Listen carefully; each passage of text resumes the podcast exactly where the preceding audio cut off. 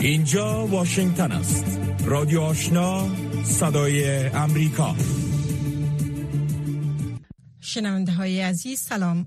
فوزی احسان هستم و با همکارانم برنامه امروز پنج شنبه دهم ماه هود را پیشکش می کنیم اما قبل از اینکه به نشر گزارش های این ساعت بپردازیم همکارم عبدالواجد عادل اخبار این ساعت را پیشکش می کند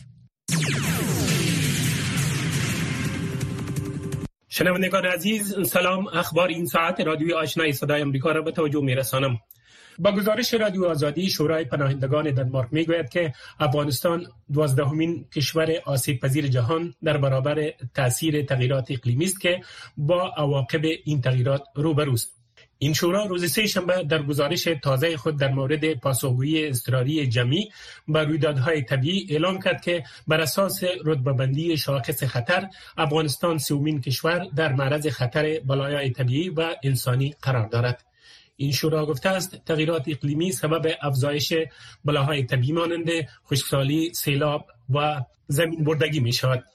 شورای پناهندگان دنمارک گفته است که پس از فروپاشی نظام جمهوری پیشین در سال 2021 افغانستان با نابرابری، آسیب پذیری بیشتر اقتصادی، فروپاشی خدمات صحی و یک بحران بشری پیچیده مواجه است که بلای طبیعی و همچنان تغییرات اقلیمی که افغانستان از این پیش نیز با آن درگیر بود تشدید یافته است و بیشتر زنان و دختران را که با محدودیت مواجه هستند متاثر می سازد. دفتر مبارزه با مواد مخدر و جرایم سازمان ملل متحد UNODC از ادامه کشت و تولید مواد مخدر در افغانستان نگران است.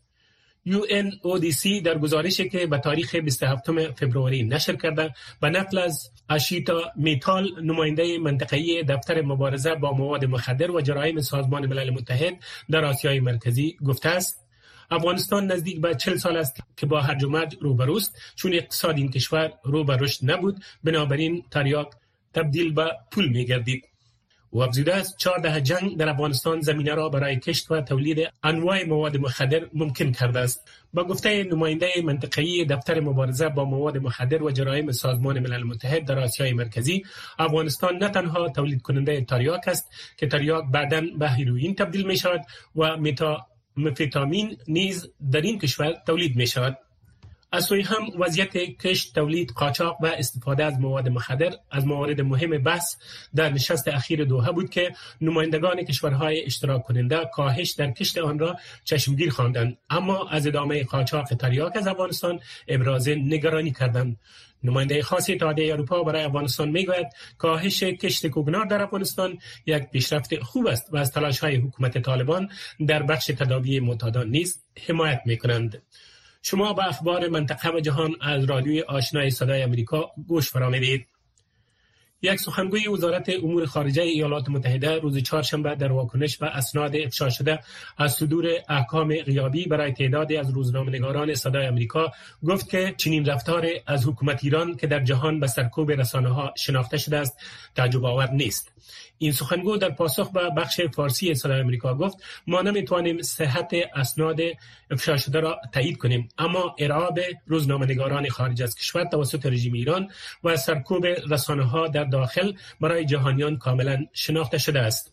و ادامه داد محکومیت غیابی روزنامه‌نگارانی که در خارج از کشور مستقر هستند و در افشای تخلفات رژیم نقش دارند تعجب آور نخواهد بود. اداره های سازمان ملل متحد روز سه شنبه 27 فبروری هشدار دادند که اگر جنگ به زودی در نوار غزه متوقف نشود خطر قطعی ناشی از جنگ در این منطقه تقریبا قطعی است. رامش جاسینگ هام رئیس بخش هماهنگی دفتر بشردوستانه ملل متحد در شورای امنیت سازمان ملل متحد گفت که اگر اقدامی صورت نگیرد ترس دارم که قحطی گسترده در غزه تقریبا اجتناب ناپذیر خواهد بود. همچنان کمیته بین المللی نجات می‌گوید که به دلیل حملات شورشیان حوسی مستقر در یمن ارسال اقلام حیاتی بشردوستانه به سودان از طریق بهیره بسیار خطرناک شده است. در عوض این اداره می‌گوید اما از مسیرهای متبادل گرانتر برای تحویل کمک های بشردوستانه مورد نیاز میلیون ها سودانی استفاده خواهد کرد.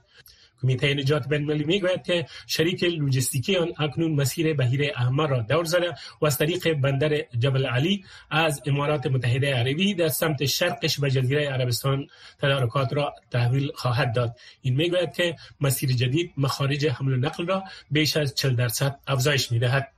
مچ میکانل رهبر جمهوری خواهان در مجلس سنای ایالات متحده چهارشنبه نهم هود گفت که در ماه نوامبر از این سمت کنارگیری خواهد کرد.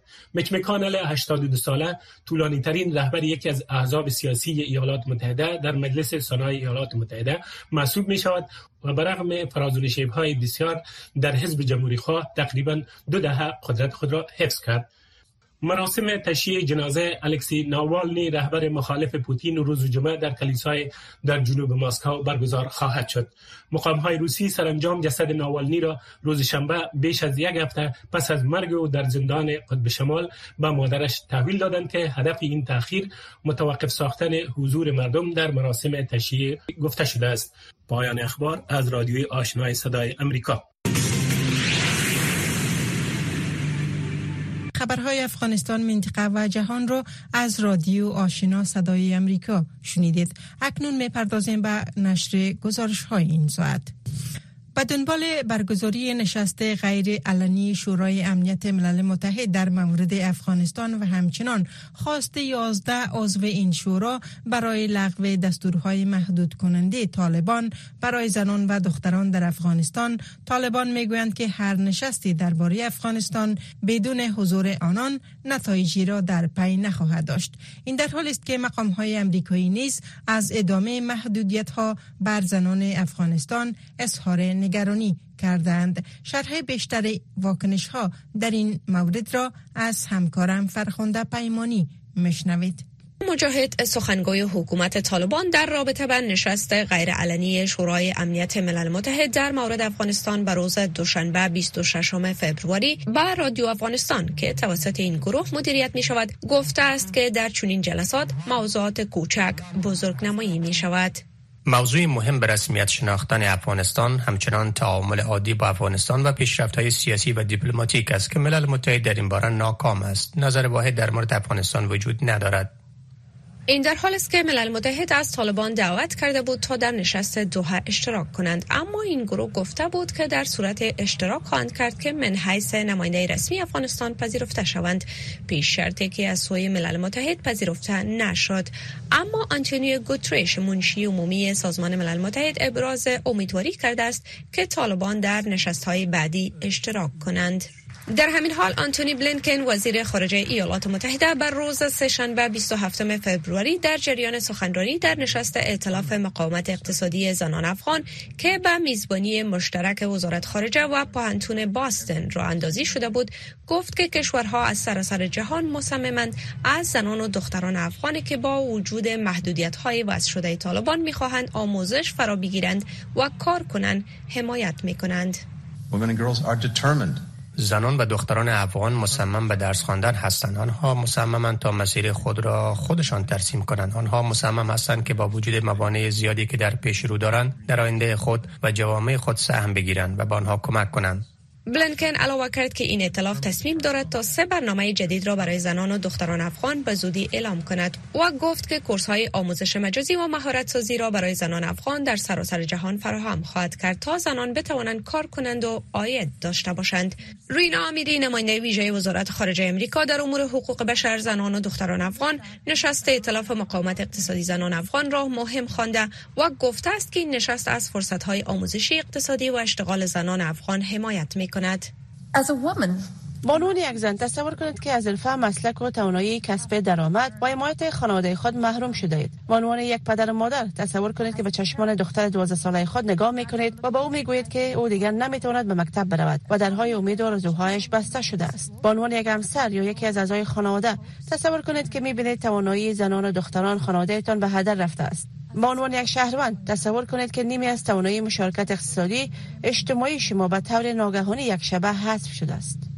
در همین حال برخی از دختران و زنان در افغانستان می‌گویند ممنوعیت ها محدودیت های اعمال شده بر آنها باید پایان یابد زیرا به گفته آنان این وضعیت آنها را از هر گونه پیشرفت در همه های زندگی محروم کرده است. ولی طالبان همواره از پالیسی هایشان در قبال زنان افغان دفاع کردند و گفتند که حقوق زنان در افغانستان مطابق شریعت تامین است. سرگی شایگو وزیر دفاع روسیه از تهدیدات امنیتی که از خاک افغانستان متوجه کشورهای آسیای میانه است ابراز نگرانی کرده است. او مشخصا به افزایش تهدید از جانب داعش خراسان به کشورهای آسیای مرکزی اشاره کرده است. توجه کنید به مصاحبه که من فوزی احسان با دکتر هاشم دانش تحلیلگر سیاسی نظامی افغانستان داشتم. دانست محترم البته وزیر دفاع روسیه از تهدیدات امنیتی از افغانستان به آسیای میانه ابراز نگرانی کرده آیا به نظر شما این نگرانی ها چقدر واقع بینانه و بجو است؟ ببینن روس ها بازی دوگانه را در ارتباط قضیه افغانستان می‌کنن از یک طرف مانع پیوستن یا مانع تعامل روس ها با ببخشید تعامل طالبان با جامعه غرب می‌شوند و طالبان را میگه که شما واقعیت موجوده جامعه افغانستان هستین. هر کسی اگر بخواهد در مورد آینده افغانستان صحبت کنن مخاطبش باید فقط طالب باشد نه کسی دیگه. که به این نظر غربی معتقد نیست. از طرف دیگه باز افغانستان را در مطبوعات آنقدر خطرناک تشریح می‌کنن که رشد گروه های تروریستی در افغانستان اشیای مرکزی را به خطر می اندازد اصلا چقدر تهدید داعش واقعی است از جانب افغانستان و کشورهای آسیای میانه از نگاه شما؟ از نظر من در صورتی که طالبا با پاکستان به تفاهم نرسند در مورد تی تی پی و تی جی پی ما داعش را یک خطر عمده به خاطر حمایت پاکستان از داعش می‌دانم.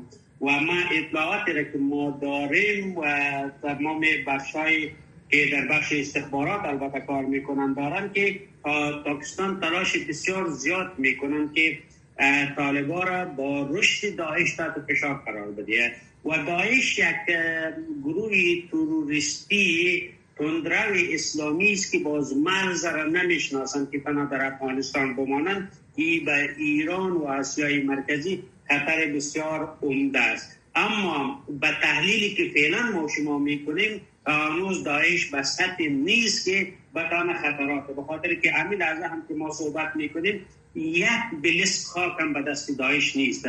فقط می‌تونه عملات انتحاری و انفجاری را انجام بده.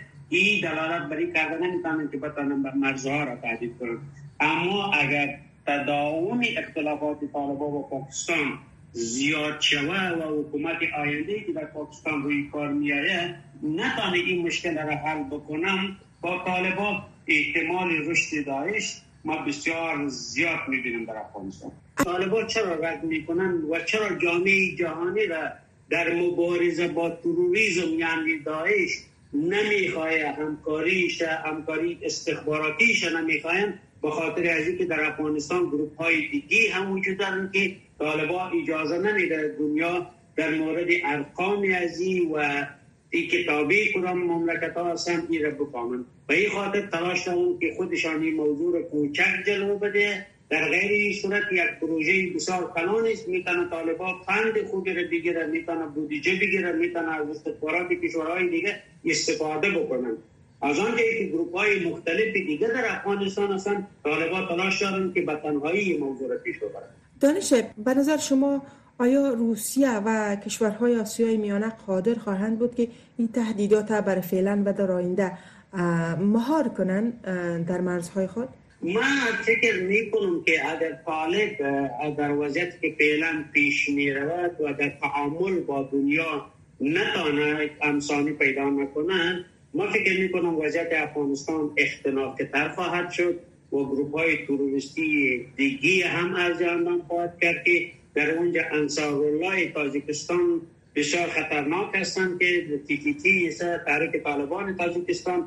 این ما فکر نمی کنم که طالبان بتانن مهار بکنن و این مزاحمت را بر کشورهای آسیای میانه خلق می‌کنن. روسا هم درگیری ها و جنگ فرسایشی که در اوکراین دارن زیاد فوکسش طرف اوکراین است نه طرف کشورها. و شما می‌فهمید که ازبکستان تاجیکستان اینا مایدات امنیتی بسیار دراز مدت را با روسا دارن.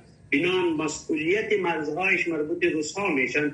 و ما فکر می کنم که اگر وضعیت به طرف وخامت برین روسها و کشورهای آسیای یعنی این تهدید را نمی‌تونه که مهار بسازه کنه جنیفر بریک شویلی استاد امور عامه و بین المللی در دانشگاه پیترزبورگ می‌گوید طالبان برخلاف انتظار جامعه جهانی علاقمندی برای تشکیل یک حکومت همشمول ندارند. خانم مرد شویلی می‌گوید طالبان با رد کردن نماینده ملل متحد می‌خواهند به عنوان یگانه قدرت انحصاری سیاسی در افغانستان تبارز کنند و ملل متحد را از همه معاملات سیاسی دور نگه دارند. توجه کنید به مصاحبه زیلانوری با خانم مرد شولی فکر نمی کنم تغییر خاص در وضعیت زنان افغان ایجاد کند. این نشست یک تلاش کلی از جانب جامعه جهانی است تا طالبان را تحت فشار قرار دهند که بیشتر همه شمول باشند و به موضوع زنان افغان رسیدگی نمایند. اما متاسفانه توقع آن نمی رفت که این نشست نتیجه خاص برای زنان افغان داشته باشد. ملاقات اخیر دوحه روی تعیین نماینده ملل متحد بر افغانستان متمرکز بود اما طالبان با تعیین همچون نماینده مخالفتشان دادند. برای شما چرا طالبا نماینده ملل متحد بر افغانستان رد کردن؟ If they are dealing with the United Nations and one of در صورتی که طالبان با ملل متحد تعامل می کنند به این معنی است که نماینده ملل متحد کسی است که می خواهد زمینه بحث با مخالفین را فراهم بسازد. به این معنی که مخالفین در افغانستان وجود دارند. طالبان موجودیت مخالفین را نمیپذیرند به خاطر که ملل متحد وقت مذاکرات را با شخصیت های مخالف را آغاز کند. این افراد جزء پروسه سیاسی افغانستان می شوند و این چیزی نیست که طالبان آن را بخواهند. آنها در عوض می‌خواهند نشان دهند که در داخل افغانستان دارای قوت عام و تام سیاسی هند که این همچنان به معنی دور نگه داشتن ملل متحد از معاملات سیاسی می باشد اعضای جامعه مدنی و رهبران زن از ملل متحد انتقاد کردند که به اندازه کافی به طالبان فشار نیاوردند تا سیاست های سرکوبگرایانه علیه زنان معکوس بسازند. به نظر شما دیگه چی اقدامات باید صورت بگیرد تا طالبان بتانند یا بخواهند که همچون سیاست ها را در قبال زنان تغییر بدن؟ متاسفانه این مسئله تا حد پیچیده است. ملل متحد رقم زیادی از کمک های بشری را به افغانستان فراهم می سازد که به طالبان اجازه می دهد در قدرت باقی بمانند. یگانه فشاری که ملل متحد می تواند بر طالبان وارد کند کاهش کمک های بشری است و این اقدام می تواند با طالبان ضرر برساند. ملل متحد نمی تواند از طالبان انتقاد کند و در عین زمان کمک های زیادی برای افغانستان هم فراهم می کند این نوع تهدیدات قابل اعتبار نیست. وضعیت بسیار دشوار دشوار وجود دارد به خاطر که به کارگیری گزینه قطع کمک های مردم را بیشتر متضرر خواهد ساخت. آیا ملل متحد می‌تونه که طالبان راضی به سازت ها اونا نماینده ملل متحد بپذیرن و در نهایت یک حکومت همه شمول تشکیل بدن؟ برای شما آیا امکان داره که طالبان هم حکومت را تشکیل بدن؟ آنقدر خوشبین نیستم. فکر نمی کنم طالبان علاقمندی برای تشکیل یک حکومت همه شمول داشته باشند. به نظرم آنها با حضور خود بدون هیچ نوع محدودیت جدی در قدرت راضی هستند و بسیار خوش هستند که کشورهای مانند چین از آنها حمایت می کند برای آنها تکنولوژی های نظارتی داده است تا بتوانند مخالفین خود را از بین ببرند. فکر نمی کنم نماینده ملل متحد بتواند با مخالفین کاری بکند. در غیر این که اقتصاد افغانستان شدیدن متزلزل شود. آنچه ما در افغانستان می‌بینیم بدترین وضعیت است. خوشبین نیستم که طالبان بخواهند با سایر افراد مذاکره کنند و صدای مردم را بشنوند. طالبان فقط با تهدیدات فیزیکی با مردم خود معامله می کنند فکر می‌کنید که طالبان به اندازه کافی تلاش به خرج می‌دهند که سیاست های خود تا حد تعدیل بسازند تا بتونن که روابط خود با جامعه جهانی بهتر بسازند؟ و تلاششان به اندازه کافی است که می‌خواهند که به رسمیت برسند؟ فکر می کنم طالبان تا حدی روابط اقتصادی خود را با سایر کشورها بیشتر ساختند. این اقدامات برای کشورهای همسایه به خصوص برای مشروعیت دادن حاکمیت طالبان بسیار اهمیت دارد. بله این کشورها از تجارت می توانند سود ببرند. در صورتی که سرمایه گذاری های آنها مراقبت صورت گیرد. در صورتی که راه های مواصلاتی که آنها می خواهند درست شود و امن باشد. این کشورها تشویق می شوند تا طالبان را به رسمیت بشناسند و همین قواعد مثبت است که به همکاری اقتصادی و امنیتی با این کشورها منتهی می شود هرگاه طالبان ثابت کنند که دهشت افغانی از سرحدات افغانستان بیرون نمی رود و هرگاه طالبان نشان بدهند که کشورها را با مشت آهنین اداره می کنند و اجازه نمی دهند به دهشت افکنی و کشورهای همسایه برسد. نخست از همه کشورهای همسایه طالبان را به رسمیت می شناسند آیا مطمئن هستیم یا خیر؟ یقینا که نیستیم که این کار شود. به خاطر که طالبان به همچون وضعیت متحد نمی مانند و نمی خواهند به طور مثال از زمان حاکمیت طالبان بدین سو با کشورهای همسایه روابط خوب ندارند با آنکه نشان می دهند که شدیدن در کشورها صلح و آرامش می خواهند.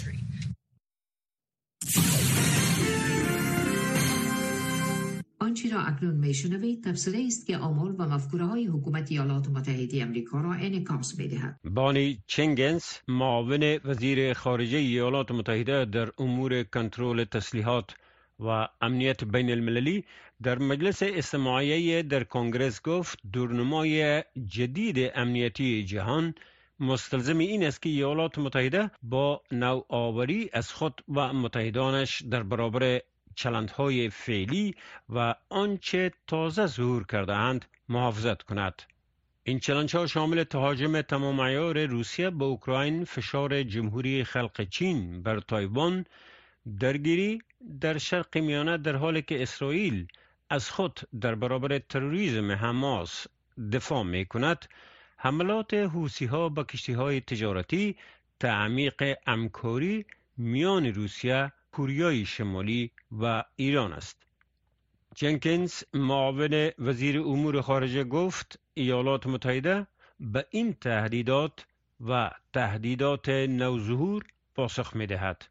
وی افزود ذخایر تسلیحات کیمیاوی ایالات متحده را تکمیل کردیم و یک مجموعه کامل از سلاحهای کشتار جمعی اعلام شده را حذف کردیم. بانی جنکنز معاون وزیر خارجه ایالات متحده در امور کنترل تسلیحات و امنیت بین المللی گفت ایالات متحده در حال تقویت و امنیت هسته است زیرا به کشورهایی که در انرژی هسته‌ای و همکاری صلح آمیز هسته‌ای شریک هستند کمک می کند. همچنین در حال افزایش اقدامات بازدارنده برای محافظت از فناوری های حساس ایالات متحده در برابر بهره برداری و همچنین برای محافظت از نیمه هادی ها و سایر فناوری های نوظهور است. جنکینز گفت ایستادن شانه به شانه در کنار نزدیکترین متحدانمان یکی از ویژگی های دیپلماسی امریکایی است. او به تقویت قابلیت های دفاعی شخصی تایوان توسط ایالات متحده و همچنین کمک ایالات متحده به متحدان و شرکای خود در انتقال تجهیزات روسی اشاره کرد. معاون وزیر امور خارجه امریکا نیز مشارکت امنیتی سه جانبه میان استرالیا، بریتانیا و ایالات متحده را که به نام اوکاس شناخته می شود الگوی اصلی دیپلماسی امریکایی خواند. وی گفت فرصت نسل که همکاری با نزدیکترین متحدان ما را عمیقتر می سازد شراکت های دفاعی و امنیتی بلند مدت ما را تقویت می کند مسیر روشنی را برای پیشبرد دیدگاه مشترکمان درباره اقیانوس هند پاسیفیک آزاد و باز فراهم می کند اشارات بسیار قوی بازدارندگی و تعهد به بالاترین استانداردهای من اشاعه سلاحهای کشتار جمعی در منطقه و سراسر جهان میفرستد. جنکینز معاون وزیر امور خارجه امریکا اعلام کرد که ایالات متحده در مورد مناطقی که دشمنان یا رقبای ما در آن نفوذ می کنند و اینکه چگونه اقدامات ما مسئولیت و امنیت نسلهای آینده را تعیین می کند دید روشنی دارد. آنچه را شنیدید ای بود که آمال و مفکوره های حکومت ایالات متحده امریکا را منعکس می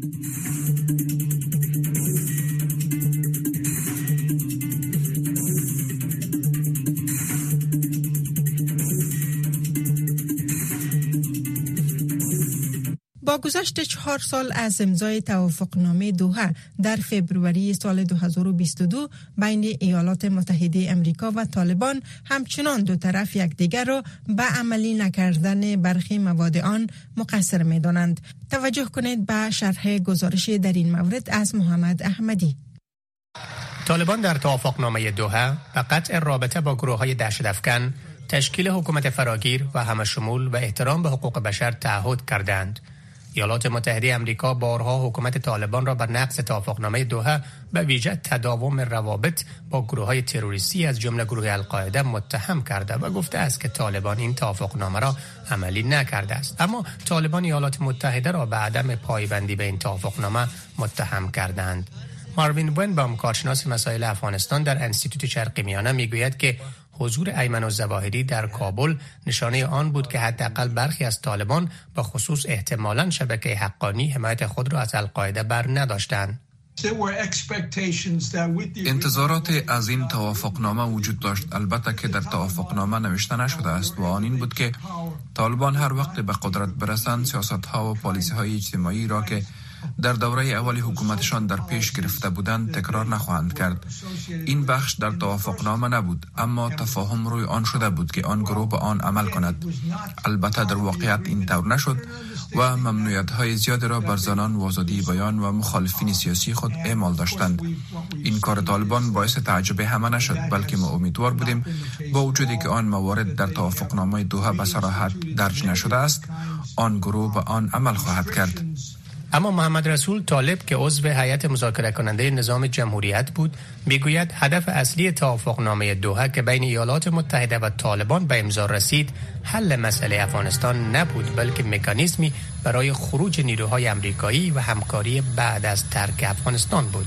آقای طالب معتقد است یک مشکل در خود قرارداد است و مشکل دیگری مربوط به استراتژی طالبان است. مشکل دوم طالبا است طالبا قصد عملی کردن بندهای دیگه تا را فقط برداشت میز که نداشتن. اونا می‌خواستن که نیروهای خارجی از افغانستان بیرون شود و به دنبالش با استراتژی نظامی و با جنگ و کشتار افغانستان تصرف کنند. و در بند و پایبند ای که بندهای دیگه از قرارداد عملی شده هم نبودن و مکانیزمی هم در قرارداد وجود نداره که اونا را مسئول بسازه برای عملی شدن یا ولذا عملا همو چیزی اتفاق افتاد که ما و شما شاهدش بودیم.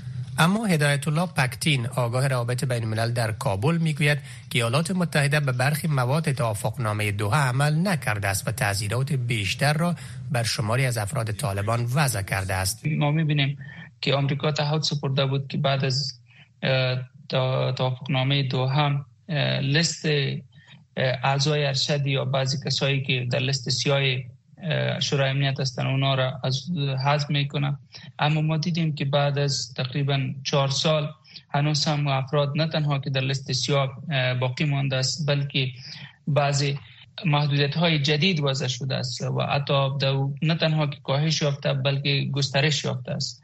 آقای پکتین می‌گوید که توافقنامه دوحه شامل مذاکرات بین الافغانی برای سهیم ساختن طالبان در قدرت بود که با مخالفت حکومت جمهوریت همراه کردید.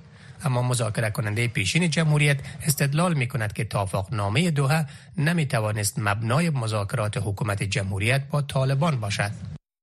شنونده های عزیز این بود داشته های این برنامه. تا چند لحظه دیگر همکارانم برنامه خبری بخش پشتو را پیشکش خواهند کرد. من و همکارانم تا نیم ساعت دیگر با اخبار و گزارش های تازه دوباره برخواهیم گشت. وقت خوش داشته باشید.